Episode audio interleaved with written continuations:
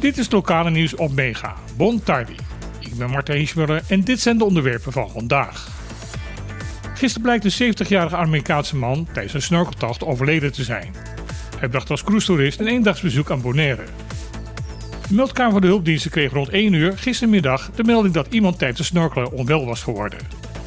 De hulpdiensten reageerden alert en brachten de man per boot zo snel mogelijk naar de kust. Daar stond al ambulancepersoneel klaar die gelijk met de reanimatie begonnen. Het mocht helaas niet baten. Kort na de aankomst bij het ziekenhuis Mariedal overleed de man. De politie is een onderzoek gestart naar de volledige toedracht van het voorval.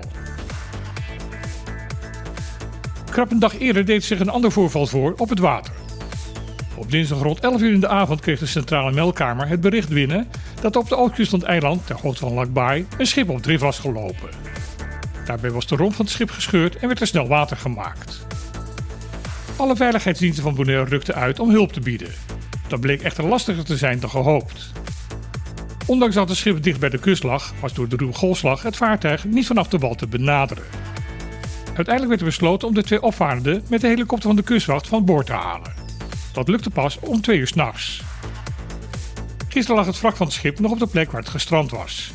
Servers die gisteren actief waren op Sorbonne konden melden dat daar de hele dag een sterke dieselgeur waarneembaar was.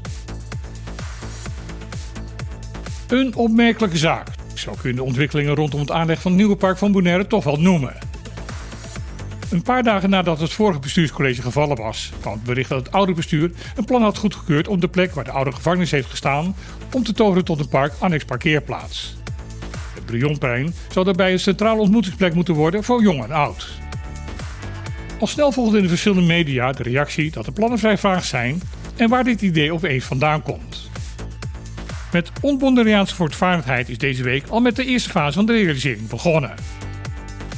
Afgelopen maandag werd er tijdens de informele ontmoeting tussen pers en overheid hier vragen over gesteld. De hoogste functionaris van het lokale ambtelijk apparaat, eilandsecretaris Christophe van Frans, bleek niet op de hoogte te zijn dat het project al gestart is en reageerde zeer verbaasd. Waarnemend gezaghebber Nolly Oliana was nog stelliger in zijn reactie. Hij zei dat het project nog niet gestart kan zijn, omdat daar binnen het bestuur nog geen beslissing over genomen is. De praktijk blijkt echter anders te zijn en de realisatie van het plan moet eind januari klaar zijn.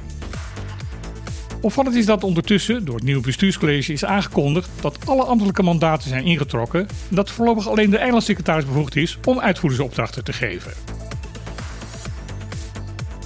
Gisteren hebben de drie eilandsraden van de Besseilanden een gezamenlijke vergadering gehouden op Sint Eustatius.